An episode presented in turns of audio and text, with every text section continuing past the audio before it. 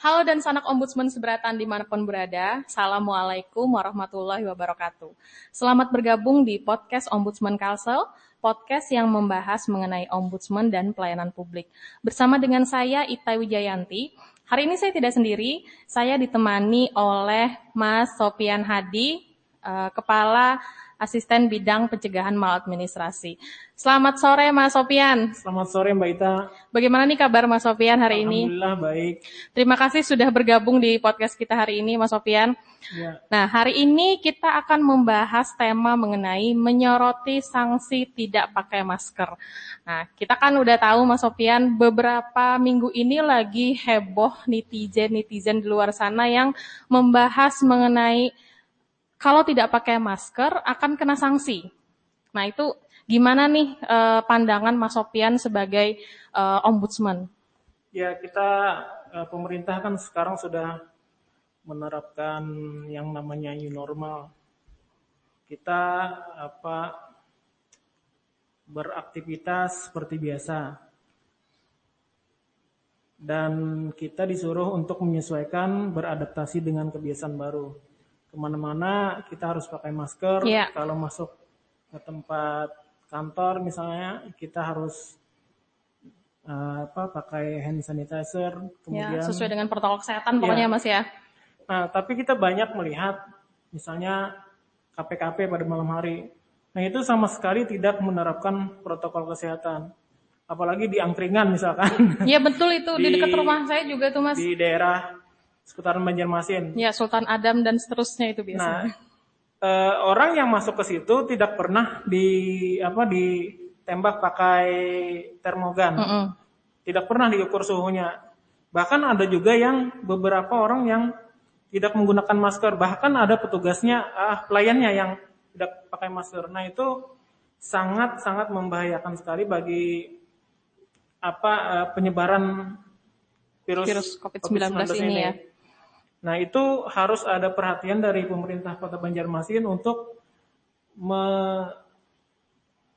me apa ya istilahnya me, Melakukan tindakan atau seperti melakukan apa? tindakan atau mengedukasi agar apa pemilik tempat usaha atau pengunjung yang di sana menerapkan protokol kesehatan agar di Banjarmasin ini cepat mereda COVID-19-nya. Nah, ini eh, kalau misalkan menurut Mas Sopian sendiri, Mas, kan ada aturan eh, perwali ya ini ya kalau nggak salah ya, yang di- menetapkan di Banjarbaru kalau tidak pakai masker itu bisa kena sanksi. Kalau misalkan eh, menurut Mas Sopian, apakah ini bentuk dari tindakan antisipasi pemerintah agar penyebaran virus corona ini bisa menurun atau seperti apa? Ya, kita mengapresiasi juga kepada pemerintah Kota Banjarbaru yang sudah disusul dengan Banjarmasin ya yang yang berencana menerapkan sanksi terhadap orang yang tidak menggunakan masker karena kita lihat eh, apa eh, pagi-pagi, siang-siang di jalanan ada aja orang yang tidak pakai masker. Mm-mm. Nah, salah satu cara untuk meng, mengedukasi, memaksa orang untuk meng, apa eh, istilahnya agar taat menggunakan masker, maka harus dikenakan sanksi. Nah, Banjarbaru eh, dan provinsi-provinsi yang lain juga menerapkan sanksi eh, melalui peraturan wali kotanya, peraturan bupati. Bervariasi sanksinya, ada sanksi eh, kalau di Banjarbaru kalau tidak salah 250 ribu kalau tidak menggunakan masker di apa dikenakan sanksi kepada masyarakat. Nah rencananya juga Banjarmasin akan menerapkan sanksi yang sama akan dikenakan 150 ribu. Nah ini masih dalam tahap sosialisasi.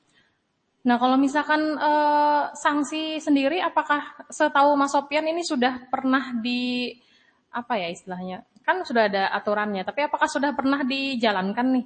Karena kan eh, kata Mas Sopian tadi banyak ternyata orang-orang yang tidak pakai masker di jalan. Mungkin tidak hanya di Banjarmasin, di Banjarbaru pun Iya. mungkin demikian. Nah ini peran dari aparat pengawas juga eh, tahap sekarang tahap di Banjarbaru sendiri misalkan pengenaan sanksi ini masih dalam tahap sosialisasi, belum menerapkan. Jadi belum ada lagi nih eh, masyarakat yang dikenakan sanksi didenda karena tidak pakai masker. Nah, yang jadi sorotan kita adalah uh, soal dasar hukum yang dikenakan yang digunakan untuk uh, menggu, uh, apa mengenakan sanksi itu ya? Ya, sanksi tidak pakai masker tadi menggunakan peraturan wali kota mm -mm.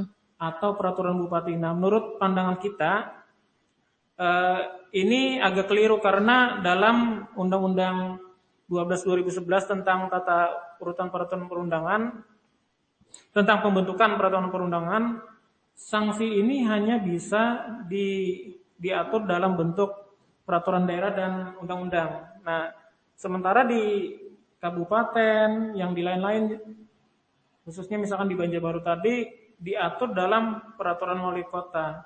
Nah, ini menurut kita sudah bagus upayanya, tapi mm-hmm. alangkah baiknya uh, sanksi ini diatur dalam peraturan daerah. Peraturan ya, daerah. Ya. Jadi lebih tinggi tinggi tingkatannya. Karena yang bisa memuat sanksi tadi adalah perda untuk tingkat di daerahnya. Berarti memang seharusnya eh, pemuatan sanksi ini tidak bisa dimasukkan ke dalam peraturan wali kota ya seharusnya. Ya, kita khawatirnya mungkin nanti akan ada laporan di ombudsman mm -mm. dari masyarakat yang keberatan ya. terhadap pengenaan sanksi ini. Nah, kita kan melihat dasar hukumnya. Mm -mm. Dasar hukum pengenaan sanksi ini apakah sudah sesuai kalau tidak sesuai berarti kan e, bertentangan dengan peraturan yang di atasnya. Nah ini menurut kita suatu bentuk perbuatan melawan hukum dari pemerintah bisa dikatakan sudah melanggar asas-asas umum pemerintahan yang baik. Ini termasuk administrasi atau seperti apa Mas Sofian? Kalau bisa jadi nanti e, kita lihat apakah ini maladministrasi atau tidak. Karena e, sementara penglihatan di luar kita ini adalah maladministrasi karena aturannya tadi tidak uh, merujuk kepada peraturan yang lebih tinggi. Baik, uh, jadi ini kesimpulannya adalah sebenarnya bagus-bagus saja ada aturan sangat mendukung sanksi ya. Jadi ombudsman tadi mendukung uh, itu, uh, tapi namun, ombudsman mendukung agar sanksi tadi bisa diatur dalam peraturan dalam daerah. Peraturan daerah ya. Berarti supaya kalau tidak digugat oleh masyarakat nanti. Iya baik. Jadi ternyata uh, kurang tepat diletakkan Diatur di dalam, dalam perwali ya. Perwali. Seharusnya itu di dalam Perda. Berarti harus ada proses uh, bersama dengan, dengan DPR, DPR juga ya. ya. Supaya iya. itu tadi kan karena ada pengenaan sanksi yang berdampak pada masyarakat tadi. Baik, uh, terima kasih nih Mas Sofian atas informasinya. Ya, sama -sama, uh, mungkin waktu sudah uh, sudah hampir 10 menit karena kita di sini uh, waktunya terbatas juga. Mungkin nanti akan kita sambung kembali dengan tema-tema uh, yang menarik lainnya. Terima kasih atas kedatangan ke sini. Semoga selalu sehat. Sekian ombudsman, uh, podcast ombudsman kita hari ini. Jika ada keluhan mengenai pelayanan publik, silakan hubungi 0811-165-3737. Semoga informasi yang telah disampaikan menambah wawasan dan sanak ombudsman seberataan. Dan nantikan podcast ombudsman. Kita akan hadir di setiap hari Selasa dan juga Jumat. Kita juga uh, hadir di uh, YouTube dan juga Instagram kita dan jangan lupa follow Instagram kita di Ombudsman Kalsel serta Facebook kita di Ombudsman Perwakilan Kalimantan Selatan. Jangan lupa juga subscribe YouTube kita, YouTube channel kita ada di Ori Kalsel. Demikian podcast Ombudsman Kalsel kita hari ini. Sampai bertemu lagi di episode podcast kita selanjutnya.